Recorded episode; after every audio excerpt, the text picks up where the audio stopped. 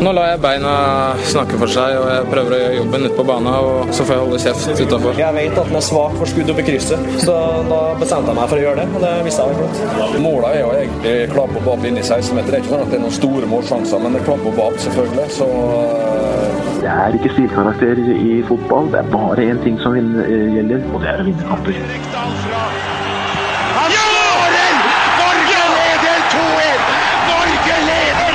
Viva la Norvège! Og der er vi tilbake med toppfotball. Um, etter nok en, nok en uke med litt, med litt idrett, Jørgen. Velkommen. Jo, takk for det. Har du, har du kost deg med idretten som har vært nå den siste uka? Jo da, det har jo blitt litt ball, men ja, det har jo gått litt opp og mest ned, kanskje, for det vi skal prate om. Men det er jo litt trist at vi ikke har hatt noe ligaball i tippeliga første eller andre nivå. Så jeg kjenner at man gleder seg jo litt til det òg, på en måte, etter en pause. Ja. Landslagspause. Landslagspause, det er jo artig tidvis, det òg, men uh, det er noe ligaballen som er det aller artigste, i hvert fall nå for tida. Ja, vi skal snakke om uh, noen kamper i uh, Tippeligaen uh, litt senere i sendinga. Jeg ser du har tatt med deg en ny brus for anledningen. Hva er det du har valgt? Hei, i dag har vi testa ut Sprite mynte. Og det, hvis de hadde håpa på noe gratis positiv reklame i dag, så, så du er veldig glad i mynte, så anbefales den på det sterkeste. Hvis, det, okay. hvis du ikke syns en eksplosiv smak av mynte er superdigg, så kan du kanskje holde deg unna. Ja, all PR er god PR. Ja. Ikke sant? Der har vi deg òg. Lasse Wangstein, ja, velkommen. Ja, takk. Åssen går det med deg? Du, det går fint. Jeg har vært ergerlig i det siste. Ja, Den ja. siste uka, eller? Ja, det er sånn cirka. jeg har erga meg litt over norsk landslagsfotball. Det må jeg, så ærlig må jeg være å si. Ja. Har du noe konkret du vil, uh, vil ta opp? Nei, det er Hvor lenge har vi? Ja, vi kan sette av litt tid etterpå. Ja, det er fint Klarer du å holde deg inne etter det? Ja, jeg skal prøve. Ja, det er kjempebra. Ja. Og så har vi uh, Vi har uh, en vikar, en uh, gjest. Håvard er jo borte. hva han driver med, vet jeg ikke. En privat jobbtur eller lignende. men da har vi fått inn en, en, en mann med, med, 308 kamper og 15 mål på toppnivå, sånn rundt regna. Stemmer det, André Muri? Velkommen. Hei, hei. Statistikken kan jeg ikke bekrefte, den er ikke sikker på, men uh, noe du, sånt. Har du ikke oversikt? Har ikke det, dessverre. Ja, Veldig hyggelig å ha deg her, i hvert fall. Hyggelig å være her. En uh, bauta ti år i Vålerenga, vel. Mm. Uh, før det så hadde du fire år i Stabæk. Ja. Det er fem Ja. Og um, unntak av det et år på lån i Odd. Ja, en liten høst i Odd. Men det er vel ingen uh, Vil si det er ingen tvil om kanskje at det er Vålerenga folk uh, forbinder, deg, forbinder, deg, mest med? Ja, det var jo der jeg var lengst og sist. Så ja. det er det som sitter sterkest. Ja. Er det lov å si at du opplevde mest der òg? Det er også lov å si. Ja. Men du er uh, Du er Bærumsgutt? Askegutt? Nei? Asker. Ja. Og nå ikke bland de to. Nei, det er viktig. Det, det er skjønt. Det er skjønt. Vi fra Horten vi ser på det på samme måte. Men uh, men uh, der har du, du har vendt tilbake til, uh, til uh, klubben der? Ja, kona er fra Askerud nå, så det var naturlig å se utover dit. Så um, vi bor der og har fått jobb der. Så ja. det er jo magisk med kort vei til jobb. Ja, det kan jeg se for meg. Hva er det du gjør i Asker? Jeg jobber med sosiale prosjekter. Ja. Så um, der er vi rett og slett knakende gode, for å si det beskjedent. Ja. vi Starta opp eh, verdens første fotball-SFO i 2008. Verdens første. Tenk på det. Det er grei tittel, ass. Ja, det er fint. Må utnytte den for hva det er verdt. Ja. Eh, som går så det griner. Ja. Uh, vi har eh, et uh, enestående asylprosjekt med, for enslige mindreårige asylsøkere som har gått siden, siden 2009, tror jeg. Ja. Med kjempefine resultater. Og vi har også fotball for utviklingshemmede og for personer med rusutfordringer, som har vært siden 2013. Og det går også kjempefint. Vi øker livskvaliteten til flere sårbare grupper og har veldig god statistikk på, på resultatene og framgang i, for hver enkelt gruppe. Så det er kult. Det er så kult å høre om sånne ting. Ja. Uh, altså nå er det klart uh, Klubben han kom fra, Vålerenga er jo kjent for Vålerenga ostrasisme og alle de prosjektene der òg, men at det er også disse Kall det litt mer lokale breddeklubbene da, som gjør det samme med det i sitt lokalmiljø. Ja. Det er så viktig for det en fotballklubb kan være, i tillegg til det sportslige. da. Ja. At man uh, bidrar litt i lokalmiljøet til å øke livskvalitet. Det, Det er unikt altså for de klubbene som gjør sånne ting. Det er meget bra å høre. Det er gøy å høre om. Man sitter liksom og får litt uh, dårlig samvittighet for at man ikke gjør mer selv. Man bare møtes her og prater ball. Ja, ikke sant? Men, Men det er, det er jo eh, fotballen, eller idretten, da. Ja. Eh, men for så vidt fotballen er litt unik eh, fordi den favner så bredt. Mm. og f.eks. med asylprosjektet så er jo de, uh, nesten uansett hvilken bakgrunn de har, så, så kjenner de til fotball og har glede av fotball. Og det, det bygger bro, og, og det er utrolig mye man kan få til med fotballen som verktøy i den forbindelse. Da. Med blant annet, vi har også et sosialt sosial kompetanseprogram som, eh, som er med å forsterke den, eh, den sosiale læringen som foregår eh, daglig i, ved hver enkelt eh, trening og kamp og alle de tingene du må forholde deg til som fotballspiller med lagkamerater, trenere, uh, representere klubb. Uh, du lærer utrolig mye av det. Ja. Og det sosiale kompetanseprogrammet som heter Mitt valg, er, er også noe som forsterker den læringa. Ja. Som hele klubben har vært gjennom. Og fra styret til, til de yngste og gatelaget vårt, blant annet. Så Ja. eh, det, det er veldig spennende, og eh, vi kan jo begynne på integrering òg, som er også utrolig spennende, men da skal vi kanskje stoppe den ballen her. Men, eh, men fotballen kan utrette utrolig mye, så det, det er Vi har fremdeles mer vi håper å få til. Ja. ja, for det er noe med det at, som har blitt sagt så ofte at, at det nesten er litt flåsete, men det er så sant at fotball er et internasjonalt språk. Mm. Du, du trenger ikke Det er en fordel å kommunisere, men du kommer langt med å vifte med armene og Men det er et, eh, en kombinasjon av fotball og litt social skills og litt, eh, og litt sånne ting da, i Asker. Ja, de prosjektene er for så vidt forskjellige, men eh, jeg driver mest med gatelaget, da, som er fotballen for personer med rusutfordringer. Og da mm, Nå har vi 12 av 19 som er rusfrie, og 13 i, i jobb. Eh, og det at vi ikke har regna på det, er egentlig ganske teit, for det hadde jo stilt oss i et meget godt lys. Men, eh, men å ha, ha alle de eh, i gang, da, og, og bidra og oppleve gode opplevelser eh, to ganger i uka. Eh, altså ved siden av det andre de selvfølgelig opplever. Men vi skaper i hvert fall en god arena for positive opplevelser to ganger i uka. Og, og det, det er med på å få, få struktur på dagen, bedre form, bedre eh, sosialt liv. Eh, det hjelper folk til å bekjempe angst, som ofte er en utfordring. Mm. Eh, det er en haug med gode, gode effekter. Så, um, så det, det er et eh, Det er et prosjekt som, eh, som nå har spredd seg til, eh, til mange. Vi var nummer to. Fredrikstad var først, og vi var nummer to eh, delt andreplass sammen med Stabæk. Og den eh, ballen der har jo virkelig, eller snøballen har jo virkelig begynt å rulle. Så, så vi har eh, en stiftelse som eh, heter Fotballstiftelsen, som, som organiserer og sørger for å gi klubbene støtte. Og nå er det tolv lag, vel. De fleste tippeligaklubber. Men eh, Ok. også noe Obos, og da oss, da, som, som, har, som har aktiviteter ukentlig. Så du er med på å, egentlig å skape, å skape gode minner også for folk som har det litt uh, tøffere enn en alle de andre. Um, men hva er, hva er dine beste minner da på fotballbanen?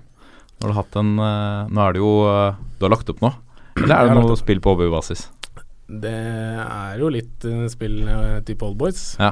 Eh, jeg klarte ikke å holde meg unna, så i januar i år så eh, møtte jeg opp inne i hallen på Kadda i Sandvika og eh, fikk på meg skoa for første gang, og det Det var eh, deilig å få bukt med abstinensene. Så, eh, så det var ordentlig gøy, og deilig å spille, spille kamp igjen etter hvert som vi begynte med det òg. Og eh, jeg møter opp på hver trening, og jeg syns det er like gøy ennå. Så det, Er du Spiller du stopper, spiss? På oldboys-nivå så har jeg en voldsom løpskapasitet. Oi! Så, Det er ikke så lenge siden jeg spilte toppnivå. Så eh, det blir sentralen mitt og eh, dekke rom og gjøre det forholdsvis enkelt utover det. Ja, for du var vel egentlig midtbanespiller tidlig i karrieren, var du ikke? Jeg har vært innom eh, de fleste posisjoner, egentlig. men, Og så var det en eh, kant i Det var der jeg starta aller først. Kant? Tenk på det. Flo, vet du. Ja, sånn flopasning-variant. I Hadde, hadde en drøm om det, gitt. At jeg kunne bli neste Flo. Men har du no, noen spesielle gode minner som du, som du tenker på da når vi, når vi snakker om det? Ja, det er jo eh, eh, morsomste for meg var jo faktisk eh, 2010-sesongen med Vålerenga, Mm. hvor vi tok sølv. Eh, Men da spilte vi så eh, rasende festlig fotball at eh, det er det som sitter desidert sterkest. Da var det så gøy å spille, og vi Ullevål eh, var et fort og eh, morsom eh, fotball med, hvor jeg fikk eh, Eller stopperne. Og eh, mot alle odds fikk jeg forville meg opp i midtbaneleddet, og det var eh, ordentlig morsomt. Eh, Mista ballen litt og dro av noen folk og gjorde ting jeg egentlig ikke kan, men det funka, funka greit allikevel. I medgang, liksom, så er alt mulig. André, André Muri kan, eh, kan dra av folk. Jeg husker fortsatt eh, første gang eh, Det her var jo egentlig Martins plan B. Martin Andresen. Martin Andresen. Ja. Den, spille, den måten å spille på skulle være liksom et alternativ til den vanlige spillestilen for å spille ut lag som kanskje la seg litt lavt og sånne ting. Og hvis vi trengte mål, Ja. altså siste, istedenfor å kalke den langt, da, Mm. så skulle vi heller eh, spille ut en Fly- Flytte opp stopperen. Eh, Jeg husker første gang Vålerenga prøvde det, og det var en treningskamp bort mot Strømmen. Ja. Og det var kaldt, og det var snø, og det var ordentlig sånn vintertreningskamp på kunstgress, liksom. Mm. Men det funka som faen, altså.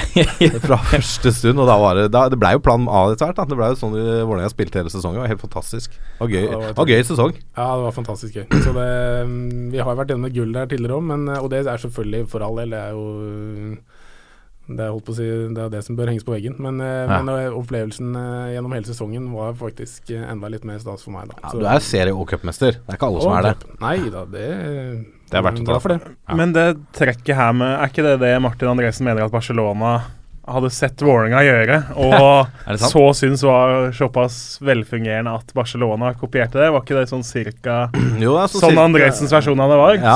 Så vi kan jo egentlig si halvtabloid eller heltabloid at uh, vi sitter her med mannen som inspirerte Barcelona og Guardiolas mesterlag. Kan vi ikke Ja, det? kan det. En av bakmennene til suksessen. Jeg vil kalle det halvtabloid. eh, Ja. Ja, ja. Men det, var, det, det er jo det som ble sagt, at eh, Guardiola hadde da For Vålerenga møtte jo Barcelona den sommeren. Ja. Og da kom hun til Andresen etter kampen og sa det at det var et spennende trekk, og det er noe man kan bruke på høyere nivå enn i norsk fotball, og, og spille seg ut på det. Og det. Jeg har sett faktisk Barcelona bruke det trekket etter 2010-sesongen. Mm. Eh, med Guardiola som trener, så er det ikke helt usannsynlig at eh, Martin Andresen skal få litt grann rett i akkurat den uttalelsen her, altså. Men André, du, er- du er jo kjent som en, en, en bauta i Midtforsvaret. En stødig, rolig eh, fyr. Du sa i stad at du er en litt konfliktsky mann. Vi har jo prøvd å få lire ut av deg noen gode historier fra, fra tida i Vålerenga, men du, er, eh, du sitter og holder litt eh, på de. Men Lasse, har du noe Har du noe du Nei, men altså, jo, altså Jeg har jo vært så heldig at jeg har vært, rundt i Vålerenga noen år, i mesteparten av Andrés tid, da. Ja. Så jeg har blitt godt kjent med André. Og eh, vi har jo hatt noen turer til La Manga, André. Det har vi. Eh, jeg tenker jo brakkesyken der er jo ganske gjeldende. Setter deg fort, den. Ja, og så er det jo sånn da på La Manga at eh, Og dette gjelder alle lag. Mm. Siste kvelden, eller nest siste kvelden, når du er ferdig med treningskamper og sånne ting, Mm. så er det på byen. Da er det lov å gå ut og slå seg litt grann løs. Det må være greit å si. Det, ja, det er lov, det. Ja. Du elsker ikke dette temaet, Muri? Jo. Uten mikrofon. Ja, nei, men dette, dette går bra. Uh, for jeg, har to sånne som eh, sitter ganske godt. Uh, husker du da Joakim Thomassen signerte for Vålerenga? Ja. Og han kom jo fra Fredrikstad og ble henta da vi var på La Manga. Mm. To dager før vi skulle hjem fra La Så han spilte én kamp, og så var han med på byen. Og da er det klart, førstemann, førstereis, han måtte spandere på hele puben. Ja. ja. vi fikk hele puben til å synge 'Joakim Thomassen'. og da måtte han til baren og bestille. det ble ganske festlig for eh, alle som var med, kan jeg huske.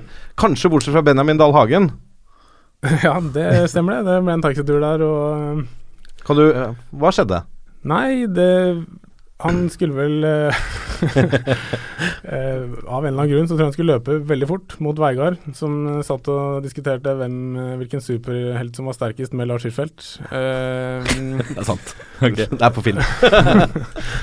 Og de eh, diskuterte livlig. Eh, av en eller annen grunn så skulle Benjamin bort der. Jeg vet ikke om han skulle spille superhelt. Eh, det var i hvert fall to trappetrinn der han ikke så, på, på flisegulv. Eh, og han det var noen armer og noen bein der, som vi så, før eh, han reiste seg opp med særdeles blodig hake. Så mm. da tok eh, Lasse og jeg og eh, vår gode venn eh, Geir Ove og tok ham med på eh, taxitur til nærmeste legevakt. Ja. Til Og, eh, Cartagena sykehus. Ja. hvor det ikke snakker var ikke én person som snakket engelsk.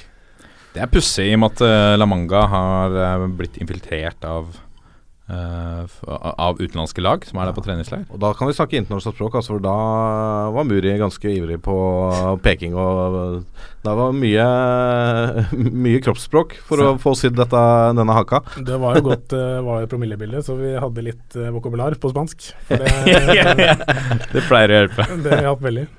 Ja, Men, ja. men hvem er det Har du noen annen, annen juice, eh, André eller Lasse? André har uh, tydeligvis en eller annen streng taushetsplikt som han ikke vil eh, Det som skjer i garderoben, blir i garderoben. Ja. Men dette er jo ufarlige greier. Altså, det, fotballspillere er jo som alle andre, de Ja. må få lov til å ta seg en fest, de òg. Ja, jeg kan jo bude på en om meg selv, apropos La Manga. Eh, en av de første turene der nede, så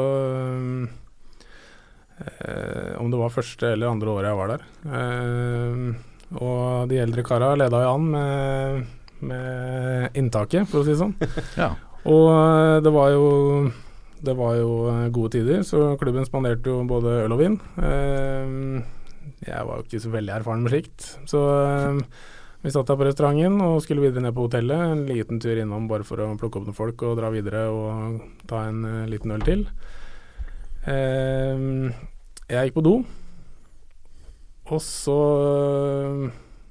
duppa jeg litt på do, og så skulle jeg ut og uh, bli med inn til Cartagena. Uh, litt sånn lett i steg og uh, hoftevrikk og i det hele tatt. Uh, treffer da på vaskedama med en mopp som nærmest eh, mopper meg av beina, holdt jeg på å si, så jeg holder på trynet. Eh, da viser det seg at jeg har overnatta på doen eh, på hotellet La Manga med eh, mer kroppsvæske nedover eh, i klærne enn eh, enn ønskelig. Du tok hele natta Så- der? Klokka var halv åtte, tror jeg. Okay. Men du var klar da skulle du ut på byen? Ja, Ja. jeg trodde jeg hadde tatt en. En powernap. Ja, den eh, blei overkant lang. Ja, den er fin, ass. Hvem, men hvem er, den, hvem er den beste spilleren du har møtt, da, som du kan huske? Um, I treningskamp så har jeg jo en uh, egnet liste for skryt, rett og slett. Mm. Ja. Uh, Vålerenga har vært flinke til å arrangere treningskamper mot uh, gode lag, og sånn sett så er det mange på lista der jeg kan hake av. Mm. Så jeg har vært innom Messi og Zlatan og Rooney. Lewandowski på La Manga. Ja. Eh, helt sikkert mange jeg ikke kjente igjen. Lewandowski for eksempel, ante jeg ikke at jeg hadde spilt mot, for jeg så på et bilde tilfeldigvis eh, for, eh, for et par år siden, og så kjente jeg igjen. Det var når han spilte i Om det var Lech Poznan eller hvor han Ja. han spilt i Polen. Ja.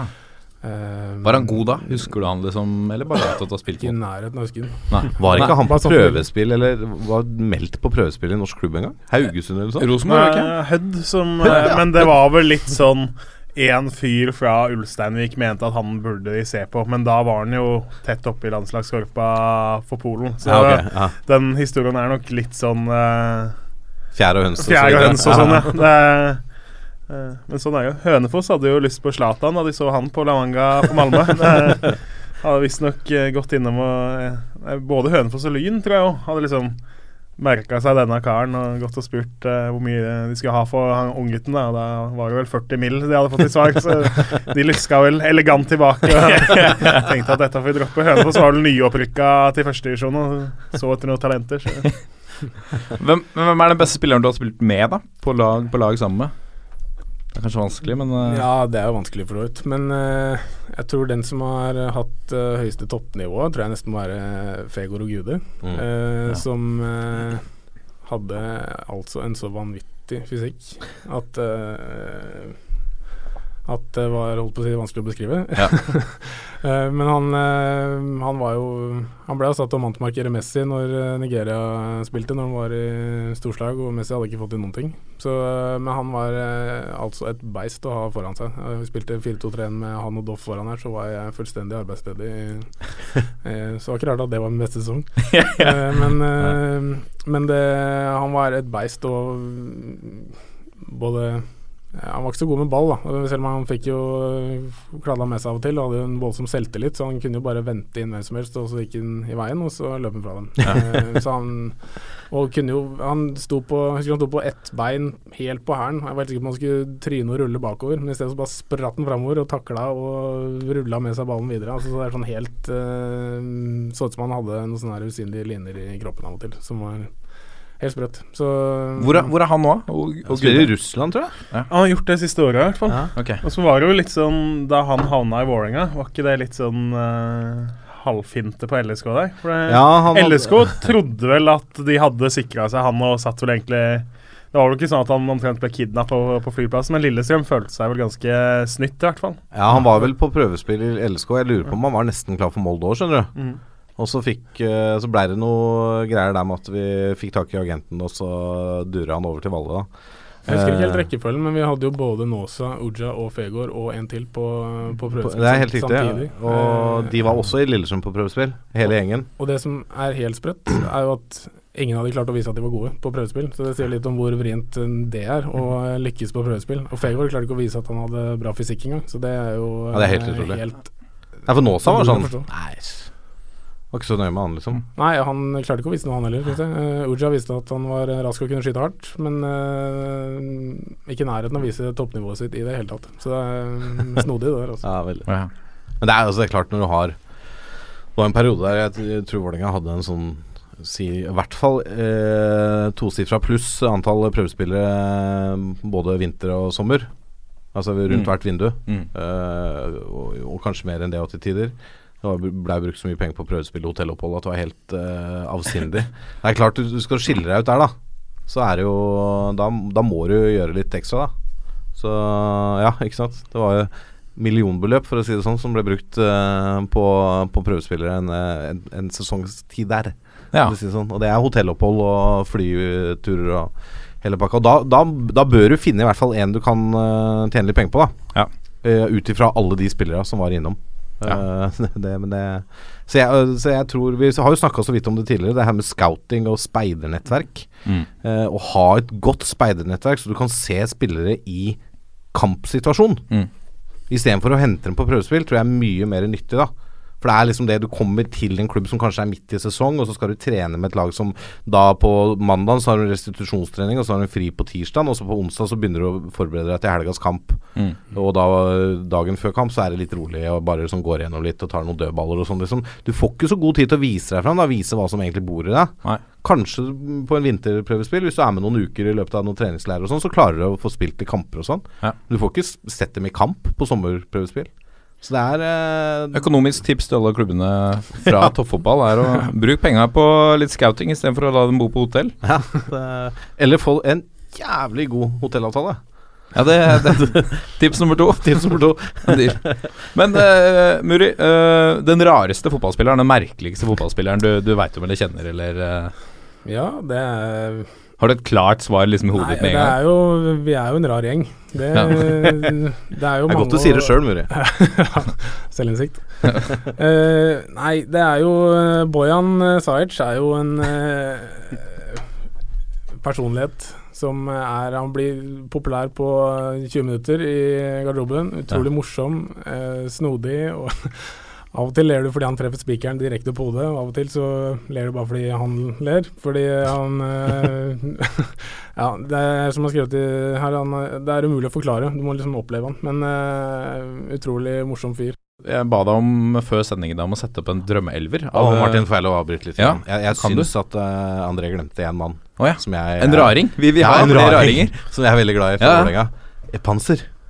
Ja, det er jo en karakter, Ja. eh, det er ingen tvil om. Erik Hagen. Ja, det er eh, Ja, hva skal man si? Altså, det er jo vanskelig å forklare folk, da. Altså, du må liksom oppleve dem, egentlig. Men uh, Erik er jo uh, Det verste du kan kalle den, er A4.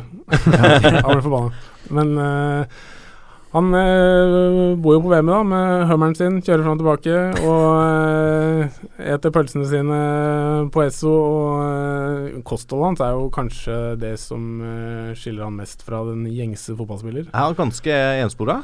Det er type enspora. Eh, hvis vi skal inn på La Manga igjen, hvor man da kan følge med på sånt, så ja. er det et gedigent lass med pasta og en Ja. liten ketsjup der oppå, eh, og det er det. og da når vi hadde kostholdsveiledning og alle skulle veie absolutt alt de spiste, eh, Mm. og rapportere om frokost eh, en spesiell dag, da gikk det jo selvfølgelig havregryn og brødskiver, bla, bla. Mm. Eh, Erik eh, Panserhagen, to bokser hockeypulver. Og så pølse hver både til og fra trening på Esso. Esso Ramstadsletta. De har tjent mye penger på pannslåpene våre. Ja, Men, altså, eh, fantastisk fyr å ha i garderoben. Ja, ja. men, eh, Ja, og en fantastisk spiller. Ja da. Som ble kjøpt til Vålinga fordi at broren hans forlangte at han skulle komme dit. Ja, det var omtrent sånn. Ja. Men eh, en annen ting med panser, da. Eh, Enspora i matveien. Musikk. Eh, ja, det òg. Country. Gart Brooks. Men Elvis. eh, Ja, Elvis, ikke minst. Men, For en type. eh, ja, for en type. Ja, Med egen sending om panser. Men uh, cupfinalebankett Ja. Det er jo liksom treretters og fin mat og godt og sånn. Ja. Erik Panserhagen krevde, og fikk, servert brødskive med gulost. Er det sant? Det er sant. Er ikke det litt bare for, for å være litt Var karakter? det gulost? Ja, det, Jeg det tror det var bare var smør. Kanskje det var bare smør. Ja, Ja, det er det, er, det er fint, ass. På Grand, er det ikke det? På Grand hotell. Ja, Brødskive. ja det syns jeg er eh, Mens alle andre mesker seg med liksom hjort og gode forretter og desserter og kos og eh, Ikke sant? Brødskive. Ja, det er herlig. Ja, det er nydelig. Men eh, en, en drømmeelver av, av Muri? Hvis vi Ja, jeg har satt opp noe her. Eh, Det gikk opp for meg etter jeg hadde satt den opp, at uh, den elveren her er jo lagd for at jeg skal få minst mulig høre. Uh, Det er en bra elver. men den er også en uh, forholdsvis eh, sosial eh, elver, da. Ja. Eh, I mål, Lars Hirschfeldt. Skal jeg kommentere noe på hver enkelt, eller? eh? Ja, hvis du har noe spesielt å kommentere? Ja, knakende god keeper i toppform. Beste jeg har hatt bak meg. Eh, og eh, en legende av en fyr. Ja.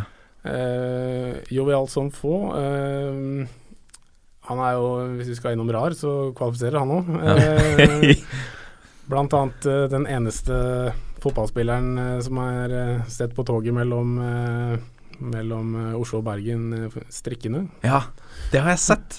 Eh, men eh, det er det som er så kult med nå. Han er eh, interessert i alt eh, og ser sjarmen i det meste og er bare veldig positiv. Kan eh, sju språk og eh, skikkelig gluping. Så mm, en fantastisk fyr å, å ha på laget. Men eh, også, også en, en type som eh, i, etter å ha vært førstekeeper i eh, mange år, og en av de bedre keeperne i Tippeligaen, plutselig ble satt til side, og virka som han på en måte godtok Han trivdes så godt i Vålerenga at han, han tok uh, flere år på benken for reservelaget. Ja, ja, han trivdes veldig godt. Mm. Uh, han var jo selvfølgelig ikke enig i, eh, Nei. i, i valget som ble gjort. Det var jo, var jo en litt spesiell historie der. Eh, nå merker jeg at jeg Nei, men det, altså, det, det vi kan si, det, er jo ikke, han- det var jo ikke den, den eneste spilleren i Vålerenga som opplevde det der da Reka tok over. Nei. Det, jeg kan si det her. Ja. Eh, for det, det, Reka tok jo over en klubb eh, litt eh, økonomisk skakkjørt, og det var en del høye lønninger i uh, Vålerenga. Og Reka skulle bygge sitt eget lag. Så var det noen spillere som da han eh, ville ha ut. Sånn var det bare. Han ville bygge eget. Og eh, Lars Hirschfeldt var en av de som led under det. Mm. Eh, og han hadde vel sikkert noen sånne varianter at han måtte spille x antall kamper for å beholde lønna, hvis ikke så gikk han ned noen hundre tusen i år og sånne ting. Ja. Eh, Men Lars var jo superproff, og tok jo den på hakka, han, og kom på trening og var på jobb, rett og slett. Men eh, ikke sant, du hadde jo en Doffen òg som spilte mindre og mindre etter EK tok over. Så det, det er Noen trenere har sine favoritter, noen trenere velger, eh, velger sine spillere de har lyst til å bruke og de ikke har lyst til å bruke, og sånn nærmer EK òg. Ja. Det, det var vel litt det også. At det var liksom en del av Martin-epoken som han kanskje ville prøve å rense ut litt, da. Høyrebekk, eh, Muri. Hvem, hvem har du? I dag har vi Freddy og Santos. Knakende godt samarbeid i 2010. Mm. Eh, jeg syns han er undervurdert. Han fikk uh, kjørt seg mye i klanen og mye kritikk utenfra, men jeg syns uh, Freddy har hatt et øh, bunnsolid øh, bidrag i, i Vålerenga. Og øh, en god allrounder. Det viser jo historikken hans opp, på hvilke plasser han har spilt. Men øh, han har Toppskårer mye- i eh, Hvilket år var det? 2004? Nei, 2003 i hvert fall. Så han har, eh, hadde mange gode, gode ferdigheter som, eh, som også fungerte på høyrebekk. Men altså når du har flest kamper gjennom tidene for Vålerenga, Mm. Og spilt under så mange trenere som Freddy har gjort, da er du ikke en dårlig fotballspiller. Nei, og ikke en dårlig person heller. Nei, ikke det heller. Han er en ganske ålreit person. Stoppeplassa. Jeg fikk beskjed om å inkludere meg selv, så det har jeg gjort. Ja.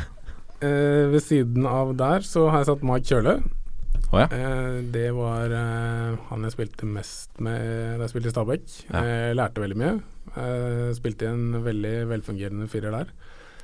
Eh, hvor vi Det er vel den fireren har spilt i som har fungert eh, desidert best med offside-felle. Vi var flinke til å pushe opp i, eh, i riktig øyeblikk og snoret eh, linje og eh, spisser i offside. Det er jo helt topp løsning for en stopper.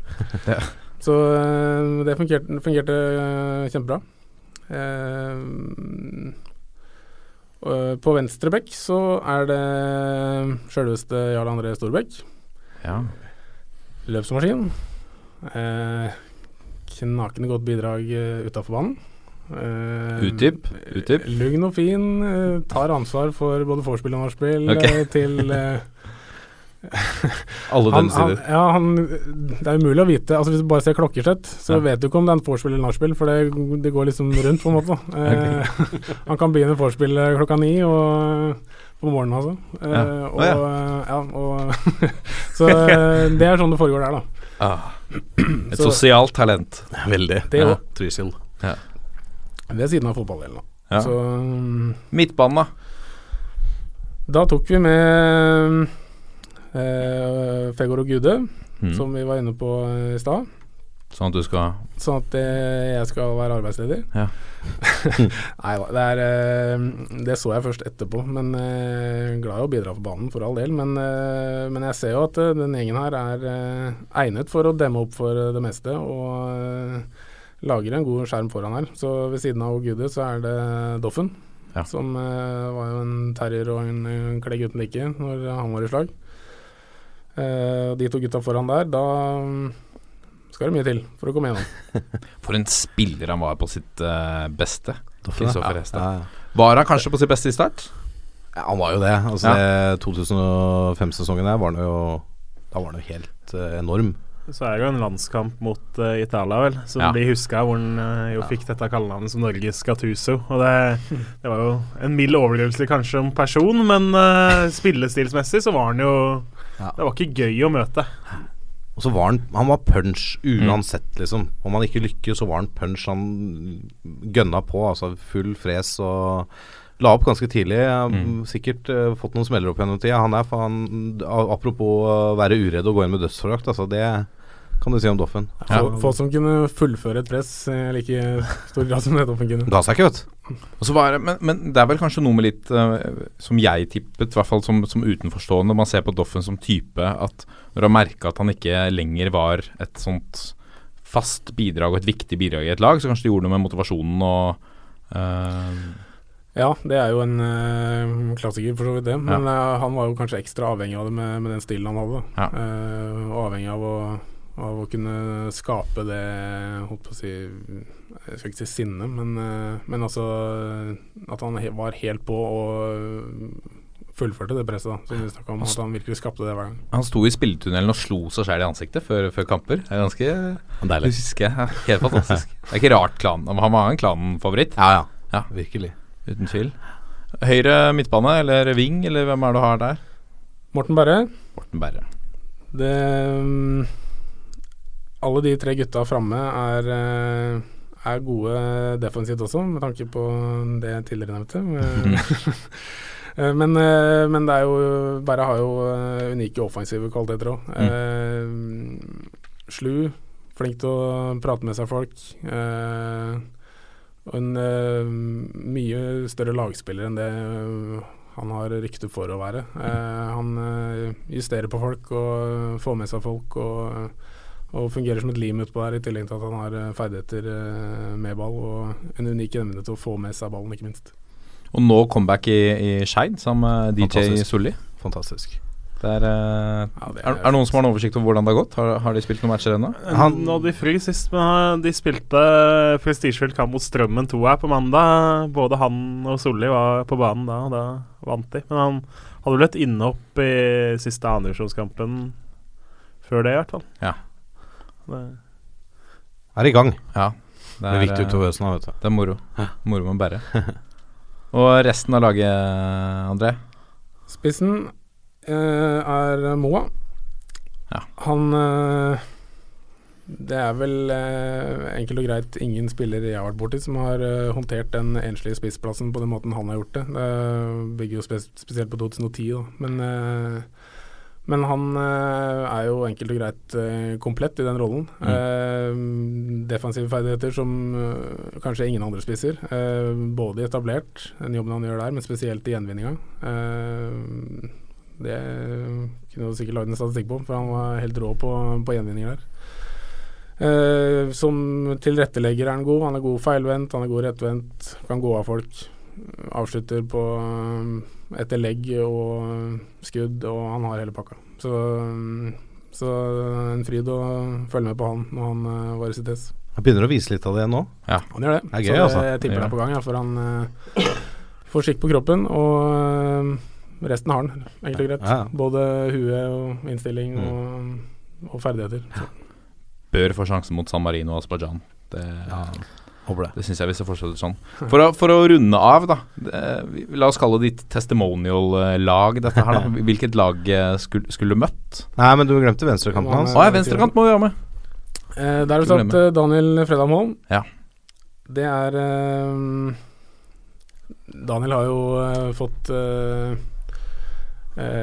eh, tym for ikke å ha fått ut talentet sitt. Men eh, jeg syns samtidig han har vært eh, utrolig god i de periodene jeg har spilt med han. Han har fantastiske ferdigheter eh, og en veldig god fotballfysikk. Eh, så han, han fortjener plass på laget og blir fin å ha på festen etterpå. Men uh, Muri, jeg lurer på en ting. Uh, dette er jo et fantastisk lag som hadde gått langt. Men er det ikke tungt å spille med ti mann i hver kamp? For dette er en 4-2-3-formasjon. Du mangler en spiller. Skal han være en tierrolle? Skal du ha en spiss foran Moa? Det har gått veldig kjapt her, ser jeg. Ja. Eh, nei, si det. Da må skal være toppspissen. Så hvem setter vi da i tieren? Det var jo et uh, knakende godt spørsmål. Eh, vi kan jo sette en uh, ildsint uh, Christian Grindheim med langt hår fra tida som uh, tier. Det er nydelig. Eh, Setter Fegård dypt da, ute og så Christian og Doffen som indreløpere. Ja. Da har du det. ja, ja nei, Nei, ikke? Nei, jeg vil ha, jeg vil ha skjermen min. Ja, det må være skjermen, ja. Det holder ikke med bare Fegård. Nei, det må ha to. Ja, ok. Ja, ja. Så um, Grindheim kunne gjort en knakende god jobb der. Han uh, husker han godt fra, fra U21, hvor han kom opp uh, med håret sitt og uh, og eh, Tasmanian Devil-løpset. så det var eh, Og dobbeltlaga? Det var du som sa. ja, men det, du ser på bilder, da. Jeg har det sjøl, jeg kan få lov å si det. Han var i kjempeform allikevel. Ja da. Hvem, skulle dere møtt? Hvilket lag skulle du møtt? Hvilket lag er det du liksom har likt å spille mot, kanskje? Nei, det var jo eh, Jeg har spilt to treningskamper mot eh, Barcelona. Det var jo en stas, det. Og hvis uh, den gjengen her uh, helt fullstendig uten uh, respekt hadde gått løs på dem, så får vi i hvert fall satse på at vi hadde fått putta én. ja.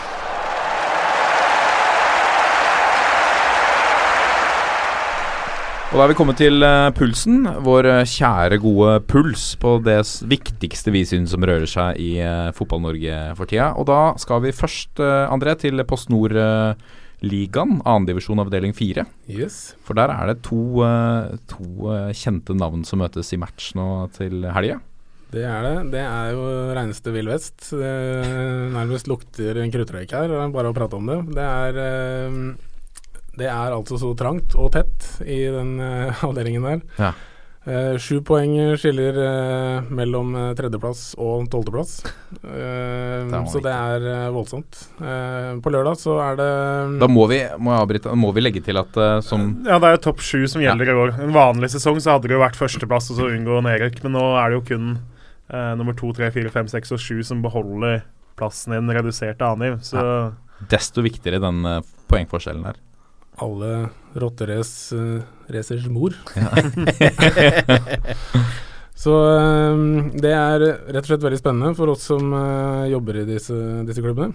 Så eh, på lørdag er det, er det Asker mot eh, Notodden, eh, med hver sin eh, store profil på laget. Sokolowski, Thomas Sokolowski i Asker og Magne Hoseth på, eh, som spiller i Notodden. Ja. Så det er eh, to ringrever eh, på hver sin sentrale midtbane der som, eh, som har mye bagasje og mye tippeligaerfaring som, som møtes. Så det, det blir rett og slett veldig, veldig spennende. Notodden ligger vel er det fem-seks poeng foran Asker. ja, det er på annenplass, i hvert fall. Så Så Asker er mildt sagt interessert i å ta med seg tre poeng der for å, for å kunne uh, teite grepet om, eh, om topp sju-plassering. Lukter det Muri comeback? Det skulle jeg gjerne gjort, eh, men eh, jeg begrenser headinger om dagen, så eh, det er eh, lite forenlig med stopperspill i den ligaen der. ja, for det var en av grunnene til at du måtte legge opp eh, til slutt? Ja, jeg eh, fikk en del, god del hodesmeller, så eh, da var det greit å gi seg mens leken var god. Så, eh, så da var det skoa på hylla.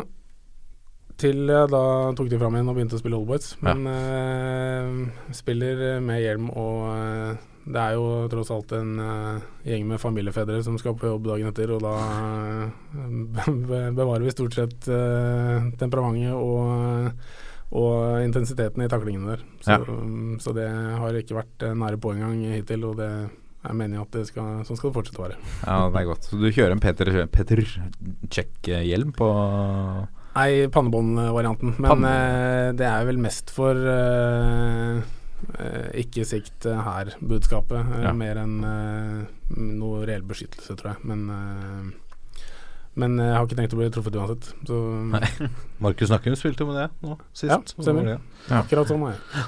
Men vi, vi leter jo etter eh, Norges uh, Vardi, og på, på Asker så har vi en kandidat, har vi ikke det?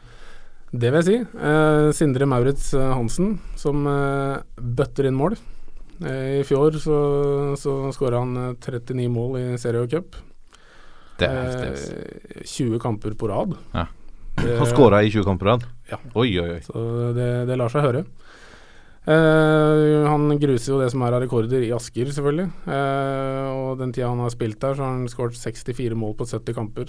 Som, eh, da selvfølgelig gir det litt uh, tett oppunder en scoring per kamp. ja, det, Eh, det er fryktelig imponerende. Han, jeg så i fjor så hadde han fem hat trick i tillegg, og så har han ett i år, tror jeg. Så han er- det er solid, altså. Hvor gammel er han? Ja, det Han skulle jeg til å er spørre om. vel- 21, tror jeg. 21, ja. Oi. Men da er det et spørsmål om tid før, før det er høyere, større oppgaver. Han har eh, Egentlig så minner han eh, Han er litt sånn eh, Daniel Fredheim Holm i kroppen, men eh, litt kraftigere. Eh, Så han har rett og slett velegna fotballfysikk og lavt tyngdepunkt, god touch eh, og vilje til å jobbe og stå på. Eh, bare for å fullføre statistikken her, så har han da i år skåra 17 mål på 14 kamper. eh, som gir 1,2 i snitt. Eh, og en eh, trener her eh, har jo eh, slått fast at han kan spille egentlig alle posisjoner på banen og lykkes godt, da, for han er eh, han er eh, rå defensivt og eh, behersker egentlig alle spillets faser. Så mm, en eh, veldig, veldig spennende, spennende spiller. Nå blir han sikkert uh, solgt etter hvert. For Forrige gang vi snakka om Martin Trøen i, i uh, episode på episode, så gikk han jo til strømmen. Så Og bøtte jo inn mål der òg, Trøen. Seks Det- mål på seks kamper. Selv om Askøy ikke vil man skal snakke om det, så har vel Maurits Hansen kontrakt ut uh, året. Og det er klart at hvis klubba i førstedivisjon og tippeligaen gjør jobben sin, så finner du ikke veldig mange mer spennende gratis 21-åringer på markedet i vinter, tipper jeg. Nei, vi ideelt sett skulle gjerne signert kontrakt før eh, dagens podkast, men eh, er klart. Legges ut i morgen, så Asken er eh, 24 timer igjen. eller? Du får komme deg på jobb. ja, det, det får vi se om vi, om vi klipper bort. Det er, eh, det er i hvert fall en ganske spennende potensiell signering der. Um, har du noe mer på Asker Notodden, uh, Muri, eller? eh? Nei, jeg kan jo bare tilføye da, at det er eh, høy kvalitet på spillet, på spillet i, i avdelingen her. Og Mm. oppfordrer folk til å ta seg en tur på kamp og eh, få med seg selv hva, hva som faktisk eh, leveres der. For det er, eh, det er veldig mye gøy. Og for å ta Asker, da, som, eh, som jeg ser mest, så er det ordentlig morsom fotball. Vi spiller eh, kombinasjonsfotball eh, ofte gjennom midten, men eh, på kant når det, når det er riktig. Og eh, har eh, virkelig mye, mye morsomme mål. Altså, og bra spill som eh, leveres jevnt. Så det anbefaler folk å ta seg en tur på Føyka på lørdag. Ja. Selv de fra Nord-Norge tar flyet ned. Nordodden på, på lørdag. Men det er jo sånn, altså andredivisjon er, det er høyt nivå. Det. Du ser jo det hvert år i cupen. Mm. Tippeligalag sliter mot andredivisjonslag. Og høyere, høyere skal det bli, si. Ja, holdt på å si Den avdelinga som Asker og Notodden er i, er jo, for å si det folkelig, tidenes sykeste andredivisjonsavdeling. I hvert fall nå, så lenge jeg har fulgt med de siste 10-12 åra. For det er jo av de 14 laga, så er det i hvert fall 10-11-12 av dem som eh, holder høyt, høyt annendivisjonsnivå, og nok med fordel skulle spilt i en av de andre avdelingene, hvis de Mm. fikk velge. Vi kan jo eh, fortsette litt på den Norges Vardi-tråden, eh, Lasse. Vi har jo en, eh, en venn vi har omtalt av tidligere og snakket med på telefon. Jokke Hansen. Ja, han fikk ikke ny klubb i sommervinduet. Ja, gjorde ikke det? Merkelig nok, altså. Men, Men, uh, må vi slutte, amatørspillere kan skifte klubb fram til 12.9., og det er Ja, vel på søndag? Eller hva? Ja, så vi er nå er et par dager unna. På mandag. mandag så det Så det er bare å, de som hører på og trenger en ny spiss eh, Jokke Hansen er i gang igjen, altså. Ja, Torp, Torp. Torp vet du, møtte, møtte Tistedalen på bortebane her om dagen. Ja. Eh, Det er vel lokaloppgjør. er Nede i der, i hvert fall. Eh, Ja, det er et Østfold-oppgjør. ja. Ja, når, når vi kommer så langt ned, så er det vel kun lag fra Ja, det er det, det er kanskje det. Ja, det Tistedal. Jeg vet ikke hvor mye hat det er i den kampen, da. Men uansett, eh, Torp vinner 2-0. Eh, begge måla kommer seint i kampen, og det er jo selvfølgelig Jokke da som putter begge to. Jokke Hansen, altså. Fa- Rød type. Ja. Han var så Altså Vi prater Håvard, Vi har jo sånn eh, spalte 'Håvard ringer noen'. Så Håvard ringte noen. Han var lugn, altså. Det hørtes nesten ut som han sov. Ja, jeg tror han sov altså, når vi ringte. Han er påslått på kampene. Ja, det er virkelig målskårer. Det er uh, også en anbefaling til, uh, til uh, klubber i Høyre ligaer der. Jokke Hansen fra Torp. Eh, men vi, vi skal holde oss litt i lavere ligaer, Jørgen. For Ja. er, er det Norges første seriemesterskap, eller tidligste? Det kan i hvert fall Det er nok en av de tidligste. For det er mitt, min moderklubb Årvoll De har feid gjennom fjerdelivet i Oslo denne sesongen. her Knapt avgitt poeng. Eh, tirsdag så ble det nå 2-2 mot bunnlaget Brosundet på Jordal eh, kunstgress. Brosundet er et av disse mange innflytterlagene som Jeg har spilt mot Brosundet. Ja. Ålesund-lag. Ja, 2-2 mot Brosundet var nok på Jordal. Eh, Årvoll kunne allerede med Nei, kun tre runder igjen, da, så det er ikke så tidlig sånn sett. Men uh, det var nå en gang 6. september, det er ganske tidlig på året. Så kunne de feire seriemesterskap i fjerde liv Det det jo ikke så mye å si i år pga. opprykk og sånn, så har det vel egentlig ingenting å si sånn sett om det blir nummer én eller nummer sju eller åtte i år, men uh, Pokal til klubbhuset, vel? Sikra å få spille om kretsmesterskap mot de andre avdelingsvinnerne. Sikra å få spille NM neste år og kan kalle seg seriemester. Så Ja, det er noe å ta med seg, altså. Ja, det vil jeg absolutt. Gratulerer til Årvoll. Ja, absolutt. Skal du ikke klappe, Jørgen? Jo, på vegne av klubben. eh, Han takker han så jeg, jeg tar imot applausen. Altså.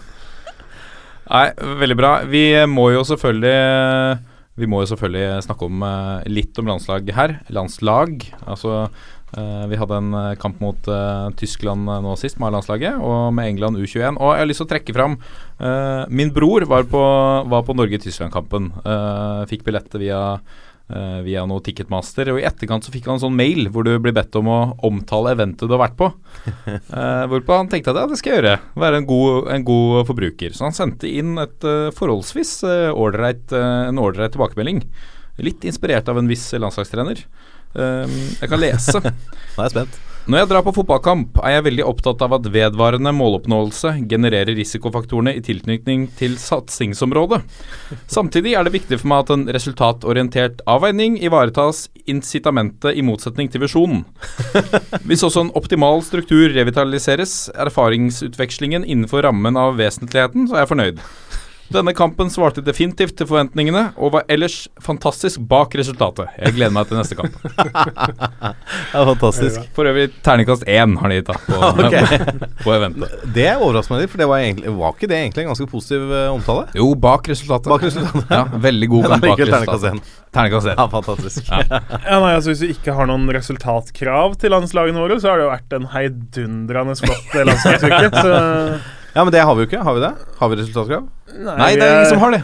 Det fins jo ikke. Terje Svendsen sier det at det ikke fins. Det fins ikke resultatkrav for. A-landslagstreneren. Det er, det er Altså, jeg beklager å si det er så rad... Det er helt ute å kjøre. Jeg skjønner ikke at det er mulig Nei, å ikke ha resultatkrav. Jeg føler nesten at man dypt ned i karsken når han eh, ble ringt opp og ble bedt om å uttale seg der. Ja, han var jo, han var jo på en pri privat jobbreise. Hva er det, forresten? Ja, Det lurer jeg veldig på. Hva er en privat jobbreise? business and pleasure. Ja, okay, ja. Men uansett, altså uh, uh, Drillo 2, andre Pokémon Drillo, hadde 51 prosent- seiersprosent. Eh, det var nest høyest da etter Drillo 1-epoken. Han ble sparka pga. manglende resultater. Per-Mathias Høgmo har nå 28% eller noe sånt. Seiers eh, og, Ok, ja, vi har møtt noen gode lag i treningskamper og sånne ting, men, det er, men vi har ryket mot Ungarn i playoff. eh, Tidenes sjanse til å nå EM. Og det har vært mye liksom, Hviterussland-kampen. Det er jo helt merkelig at det ikke skal være resultatkrav. Ja. Men, jeg, men, jeg, men ok, jeg forstår at du ikke skal sparke treneren etter å ha tapt mot Tyskland, for det, det skjer at du tapper mot Tyskland, liksom. Må eh, tenke på visjon om måloppnåelse, vet du, i, eh, i vurdering av det. Ja, det, jeg lurer på hva det er, altså. Nå er jo altså Litt av problemet, eller hva man skal kalle det, er at det er jo et år nesten siden vi hadde forrige tellende kamp nå. Spilte mot Ungarn i november, og så har det jo egentlig vært trening og oppkjøring og ventetid fram til de kampene her nå, da.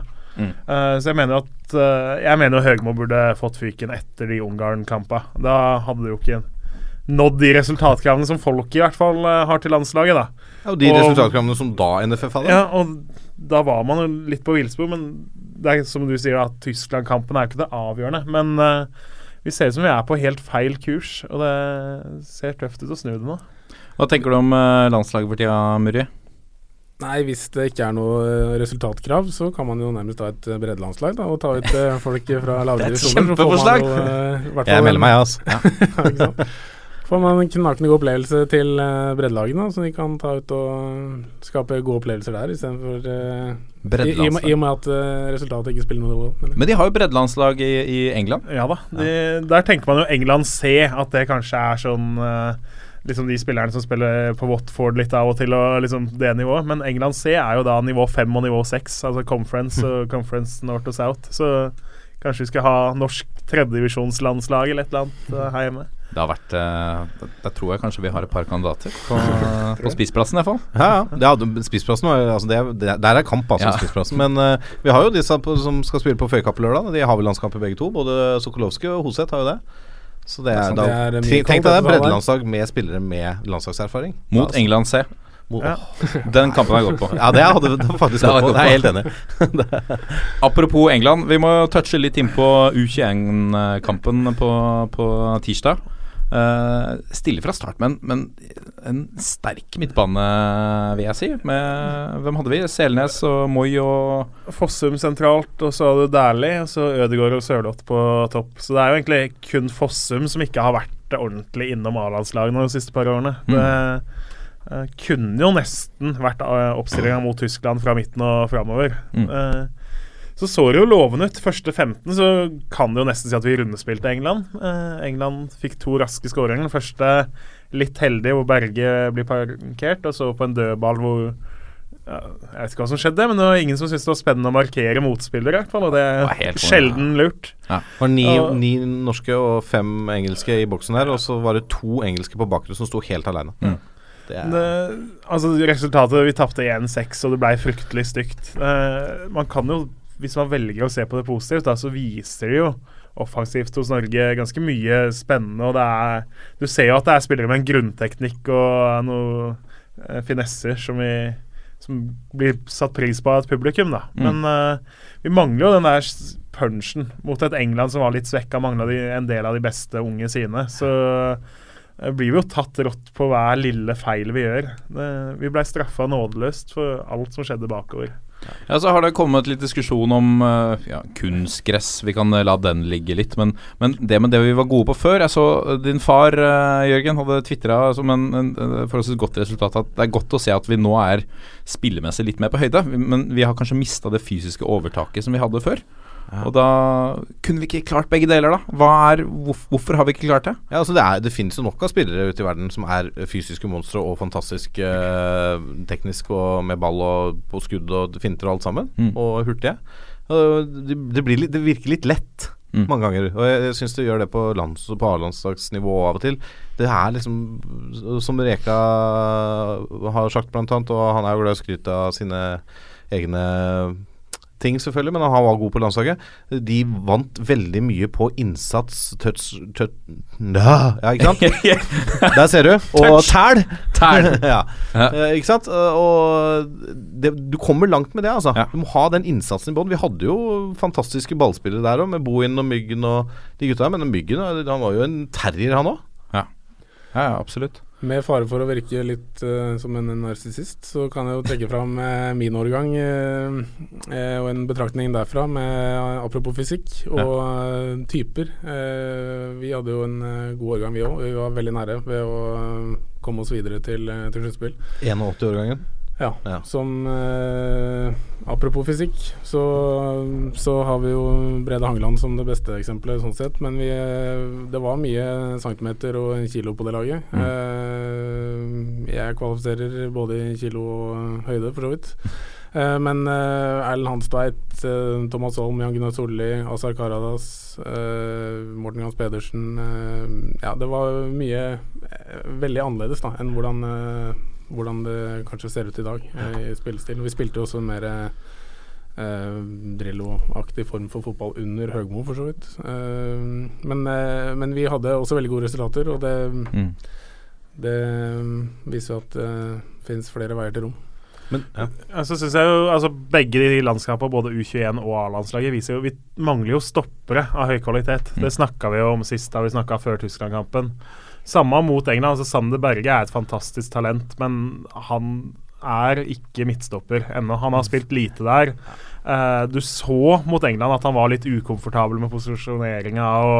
liksom, Det blir noe helt annen måte å tenke når du har ball, da når du ikke har noen bak deg, kontra å ha tross alt noen bak som du kan spille på og bruke. Det ser man jo også på førsteskåringa, at han er vant til å kunne stupe oppi der og ikke, Ikke ta like mye hensyn Han- til bakrommet. Men det- eh, for, for øvrig et fantastisk stoppertalent, da, hvis han Ja eh, da, han dyrkes i den kan posisjonen. absolutt bli god uh, der også, men, Men han uh, har jo ingen trening. merker at han knapt har spilt der. Uh, spilte mot Kongsvinger i en eh, treningskamp, Ja, ja. og det er stort sett det. Så han, har, han- han har vel hatt noen minutter i, på slutten av noen tippeligakamper. Men, men altså Sander Berge og det, er- det, jeg, jeg er litt sånn der å bruke folk ute av posisjon. Ja, ja, for- Sander Berge er midtbanespiller. Ja. Da må du bruke den der ja, hvis han skal spille. Og jeg mener at eh, Sander Berge bør dyrkes som midtbanespiller. Mm. For han har noe med den roen med ball, måten å dra av folk på. Han er, han er faktisk ganske hurtig, selv om han ble parkert av Rashford der. Mm. Han er en av de som skårer høyest på hurtighetstester i, i Vålerenga. Eh, så han er det, men, men det er noe med den altså han, Jeg mener han er midtbanespiller. Ser på A-landslaget og vet om Berisha. Spiss. Spiller kant. Mm. Håvard Nordtveit har bare spilt midtbane i det siste. Spiller stopper. Mm. Altså hvorfor Og øh, landslagskaptein Per Siljan Skjelbred, som er sentral midtbanespiller, har spilt kant på landslaget under hele Høgmo-perioden. Hvorfor kan vi ikke bare bruke folk i de posisjonene de spiller i det daglige, da? Og hvis han ikke da er god nok til å kal øh, mot de andre, om han er kaptein eller hvem det er, så da får vi bruke de som er best på den posisjonen, da. Mm. Tror det er et veldig godt poeng. Det er eh, veldig stor forskjell. Å flytte et hakk i en eller annen retning er eh, milevis av forskjell eh, over hele banen, egentlig. Og, det å rendyrke folk i den posisjonen de er best, tror jeg er nøkkelen til å hente de. Altså, du, jeg tror du fjerner mange prosent av prestasjonene ved hver enkelt spiller ved å flytte de, uh, rokere på, på posisjonene. I hvert fall på et landslag. Altså, vi har nevnt Freddy, og du har sånn type Simon Larsen i Vålerenga i dag, som kan spille både bekk og stopper, eller begge bekkene og sånne ting. Du, du må ha noen sånne allround-spillere, verre enn allround-spillere, for så vidt. Ikke sant? Da blir det på en måte en spillestil, da, at du er vant til å flyttes på. Men, Ja, ja. men når de gjør det fra en på landslaget, til en da syns jeg det skal dyrkes, altså. I den posisjonen du er. Er du midtspiss, så spiller du midtspiss. Men altså, vi, vi, vi har jo hatt et landslag hvor vi hadde Jostein Flo som høyrekant. Jo da. Så Da var det en så liksom, særskilt plan bak det. da Man Ja. klarte liksom å finne spisskompetanse. Han var avhengig av én ferdighet. Ja, ikke sant? Vi vet om Berisha. Det er litt sånn, ja, Han er aggressiv, og, men han er jo ikke noe kant. Han er jo en sånn liten altså En plugg av en midtspiss som er irriterende å møte der og kan stikke fram huet der. Han har jo ikke noen ferdigheter som tilsier at kant skal bli hans posisjon. Eh, og heller ikke defensivt. Det var jo Han og Svensson uh, sammen på høyresida var jo eh, De har jo knapt spilt der sammen før, og det så man jo ettertrykkelig første kvarteret mot Tyskland. Nei, det, var, eh, det så lenge lovet ut, men det var, det var trist. Et, vi må si her at det kan hende resultatet Ha sett litt annerledes ut uten Marcus Rashford eh, også, som herja i den matchen. Ja, men altså, det, han, eh, han, er jo, han er jo Premier League-spiller. Han Ja. har Premier League-erfaring. Han har spilt på A-landslaget til England. Mm. Debuterte med scoring der, debuterte med scoring i Premier League. Mm. Det var første U21-kampen hans.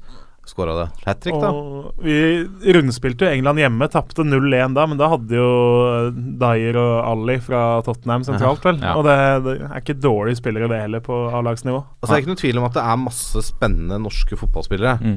Eh, nå, altså Ngya Saeed eh, kom inn som innbytter og skåra. Det var ikke i startelveren engang. Så vi nevnte Sander Berge, som kanskje kunne spilt på midtbanen med et større hell enn å spille stopper. Mm. Det er masse spennende spillere i den årsklassen der. Men eh, det er litt som Jørgen Ennis sa, kilo høyde må kanskje få noen som er litt mer punch, altså. Ja. Uh, men uh, Murid, du sa du har spilt under Høgmo. Ja. Hva tenker du om Høgmo på landslaget?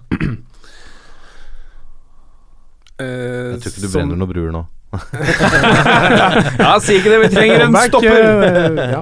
Nei, tenker du da som A-lagstrener, eller stilen Ja, hans? ja skal vi, skal, Bør han få sparken? Bør han fortsette? Ja, det er jo kanskje på tide at uh, slipper inn nye krefter uh, på A-landslaget nå. Det har vel fått uh, nok tid, ja. Så, samtidig så vil jeg jo eh, skryte av det han gjorde på U21. Da. Det, Han eh, lykkes virkelig å få ut, få ut maks av, hver enkelt spiller. Og eh, det viser egentlig de resultatene vi hadde der òg. Mm. Men hvordan, hvordan er han i garderoben? Hva sier han? Hvordan, hva slags, liksom, hvis du tar erfaringa di fra U21, da. Hva slags type er han i, i garderoben?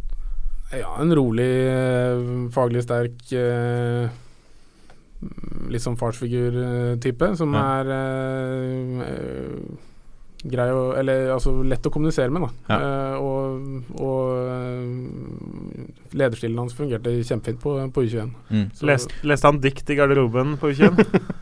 Uh, heldigvis ikke så mye. Det er kanskje men, men der kan jeg se for meg at det passer litt, for det, den farsfiguren Jeg ser for meg at han er en han er en, en sånn uh, Hva skal man si en, en, en sterk leder for de yngre gutta kanskje som er på vei opp og fram. Men når vi, når vi har diskutert dette, så kommer vi frem til at vi savner litt punch, litt tæl. Er han blir det kanskje litt for mye fag i, i garderoben, og litt for lite sånn eh, opppisking at Litt Ståle Solbakken-style at faen gutta, nå må vi gå ut og ta de. Det er litt trøkk i nå, altså. Så i, inne i garderoben. Så han øh Han øh, roper godt og knytter neven da, altså. Ja. Eh, ja, den gangen jeg har sett mest sint, var når vi røk ut øh, mot Serbia i, i Var det EM- eller VM-kvaliken, husker jeg ikke farta. Men da fikk dommeren kjørt seg, og eh, ordene 'you fucking bastard' ble skreket eh, i særdeles kort avstand til dommerens øre. Så, oh, ja. eh, så det Han har, har trøkk i seg, altså. Ja. Kanskje han har blitt voksen, vet du. Han er jo, Alt. han er jo eldre enn det er noen år siden det er. Vi håper at det snur, da. Vi, Ja, selvfølgelig, men jeg, jeg mener nå med Høgmo, Mm. så er det nå er det være eller ikke være med Aserbajdsjan. San San Marino skal vi slå, det er ikke noe å diskutere. Aserbajdsjan borte, den bør vi faktisk vinne nå. Ja. For så har vi Tsjekkia etter det. Altså Vi bør ha sju poeng når vi går inn i juleferien.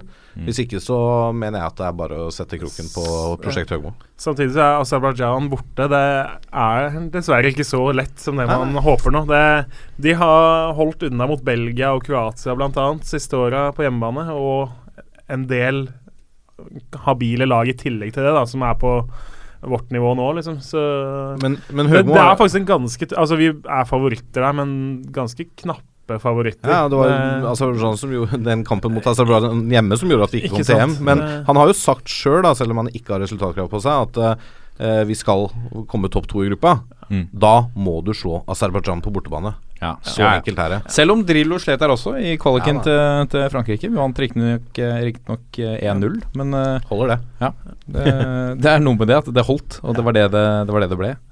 Uh, nei, det blir spennende å se. Vi ønsker jo selvfølgelig Vi heier på gutta. Selvfølgelig. Vi. Vi heier på Høgmo så lenge. Hvis, hvis han klarer det, så heier vi på han. Er vel egentlig litt sånn. Samme resten av Norge. Vi må også få lov å si at uh, hvis ikke han lykkes nå, så må det være bra. Ja. Da kan vi finne noe annet.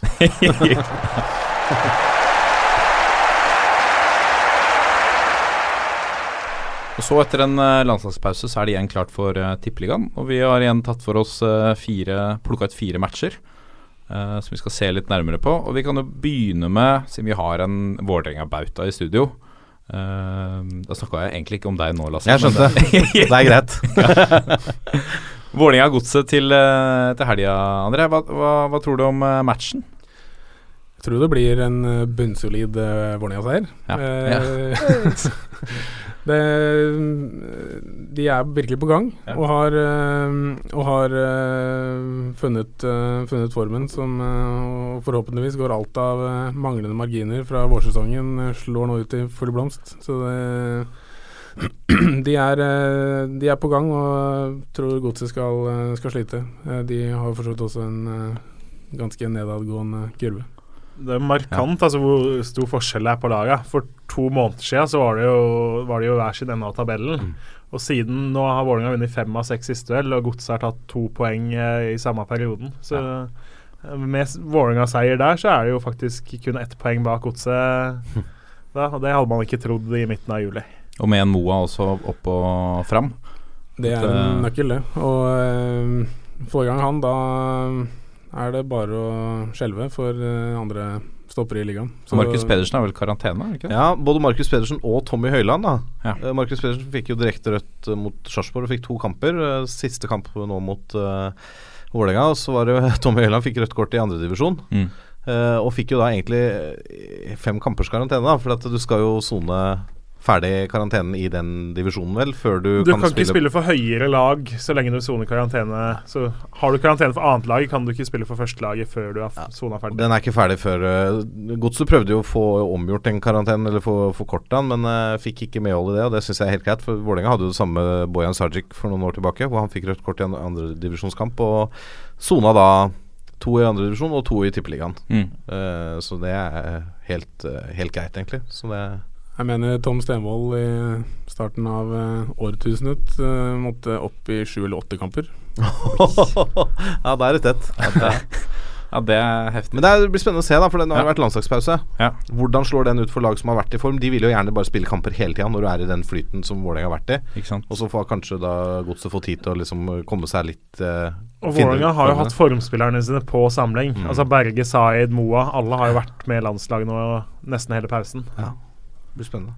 Hva blir det spennende i Bergen, eh, Lasse? At, uh... Ja, jeg tror det blir egentlig veldig spennende. For det, her snakker du to lag som er litt ute av form, egentlig. Brann Viking. Brann Viking. Eh, Brann har jo overraska og gjort det kjempebra i år. Mm. Men har nå ikke vunnet eh, siden 7. august. Det er tre kamper uten seier. Eh, Viking har heller ikke vunnet siden 7. august, men hadde en hengekamp imellom, så er fire kamper uten seier. Ja. Eh, men det er et sånt hjemmesterkt, da. Tredje beste hjemmelaget i Tippeligaen mot eh, nest beste bortelaget som møtes. Mm. Altså Viking har eh, seks av årets ni seire på bortebane, og Brann har åtte av årets elleve seire på hjemmebane. Mm. Så det er eh, Jeg tror det blir en tett hjemkamp. I tillegg så gikk jo Brann på en bitte liten aldri så smell borti Haugesund i forrige match, når de tapte 3-2. Da fikk de fem gule kort. Alle de betydde karantene på de som fikk gult kort. Ja. Altså Vadim Demidov, Ruben Kristiansen, Sivert Heltene Nilsen, eh, Skålevik, eh, Steffen Skå Steffen Skålevik. ja, og Kristoffer Barmen. Alle de fikk gult kort og må sone nå. I tillegg så snakkes det om litt eh, sykdom og skader og sånn, så det er Jeg så en brannfyr på Twitter som mente spurte om eh, NFF om kanskje de kunne spille sjuerfotball. For det var litt tynt nå. Ja, Så, og Viking er karantenefrie etter 2-2 mot Lillestrøm sist. Så jeg tror dette blir en tett hjemmekamp. Brann har vært bunnsolide hjemme. Det er sånn 1-0-1-1, tenker jeg. Ja. Ja. Spennende. Blir spennende å se. Setter du pengene dine på, på Viking, eh, Jørgen? Siden eh, det er så mye karantener i Bergen? Ja, altså Viking har sett formsvake ut og har jo solgt. seg vekk fra et habilt lag og begynner å se tynne ut, de òg. Så eh, Brann har jo OK erstattere for de fleste av dem, da. Det, eh, største problemet er jo at både Barmen og heltene Nilsen er ute samtidig. For når heltene er ute, så er liksom Barmen det naturlige valget som erstatter den dype rollen. Så det er det mest interessante, hvordan de løser det. Mm. I, eh, I Bærum, ikke så langt unna Asker, som er to forskjellige steder. Det har du lært i dag. jeg visste det, jeg visste det. Ja, okay. Um, så tar Stabæk imot eh, Rosenborg, kanskje på verst tenkelig tidspunkt for, eh, for Stabæk, som nå har tre kamper på rad uh, uten tap. Eh, har også handlet godt i overgangsvinduet, og det er vel et eh, rødt flagg som eh, vifter i, eh, i Bærum om dagen, med tanke på å holde plassen. De sliter med å vinne kamper. da De har fem uavgjort siste sju. Men samtidig så er vel Stabæk det laget som har best statistikk mot Vålerenga Nei, mot Rosenborg de siste 20 åra. De har oppsiktsvekkende mange seire og uavgjort mot trønderne siden de rykka første gang. Så, De var jo det laget som Rosenborg alltid sleit med. ja, det har vært det lenge. Man husker jo et 6-1-resultat oppå Lerkendal, blant annet. som Nå var det opp med neven, Muri. Ja. Skåra du? Det, Nei. Mener jeg husker et par Thomas. Finstad-mål, hvis ikke hukommelsen slår feil. Så. Stemmer. Men, eh, og Tom Stenvold uh, traff godt der òg. Ja. Det er han nevnt to ganger i løpet. Han må, jeg må sende en melding. Vi snakka jo om Stenvold ja. sist, for han har jo henta Jan. Banan Tømmernes opp til Andenes nå. Ja. Så. har du fått med det, Muri? Det har jeg. Det postes stadig fisk på Facebook. Fantastisk. Herlig. Og et uh, Rosenborg-lag som ser altså, vanvittig sterke ut. 21 kamper nå på rad uten tap De er vel egentlig klare for å avgjøre serien og ta seg til cupfinalen og så Ja, lette litt på giret. Hva, hva skjer med Rosenborg nå? Ikke sant? Er ute av Europa, så de vinner serien. Det her, ikke sant? Kommer de til å slippe opp litt i, køp, nei, i serien for å satse på cupen? For å ta det double? Altså, det kan jo komme noen resultater nå utover høsten med Rosenborg involvert, hvor de kanskje Jeg vet ikke. Det er jo mye Altså det, det er mye ære i å vinne også når du er Rosenborg-spiller, da. Men eh, det kan hende at det kommer noen eh, litt rare resultater der. Selv om jeg ikke har helt trua på det, for jeg tror Rosenborg har lyst til å gå gjennom det meste av sesongen uten tap. Jeg drister meg til å tippe en U jeg, på Stabæk-Rosenborg. Er det helt off, eller? Jørgen? Jeg har helgardert den på mitt uh, tippekupongtips.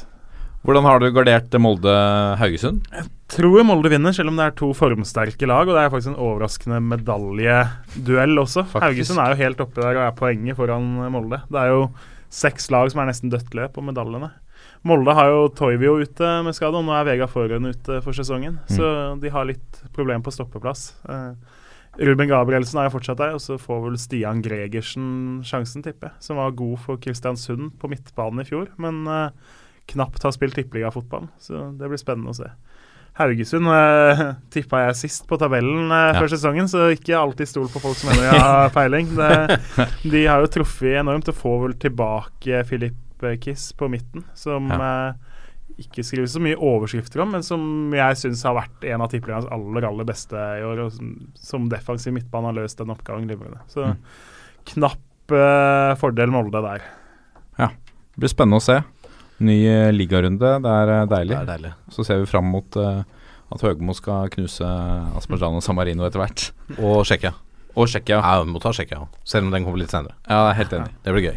Veldig bra. Tusen hjertelig takk for at du kom i dag, André. Det var veldig gøy. Takk for invitasjonen. Og takk til dere gutta for at dere også stilte opp. Og Det er hyggelig at vi fikk komme igjen. Jo, bare hyggelig. Alt i orden. Takk til meg sjæl òg for at jeg stilte opp. Det var, eh, det var gøy. Bra jobba. Ja, tusen hjertelig takk. Vi er uh, Toppfotball på Facebook og Twitter og Instagram. Gidder du å lage en Snapchat til oss, eh, André? For vi mangler det. Er ikke på Snapchat. Nei, okay. det ser dårlig ut med Snapchaten. Send oss gjerne noen meldinger eller ting dere ønsker at vi tar opp. Vi er tilbake neste uke. Ha det! Ha det! Ha det!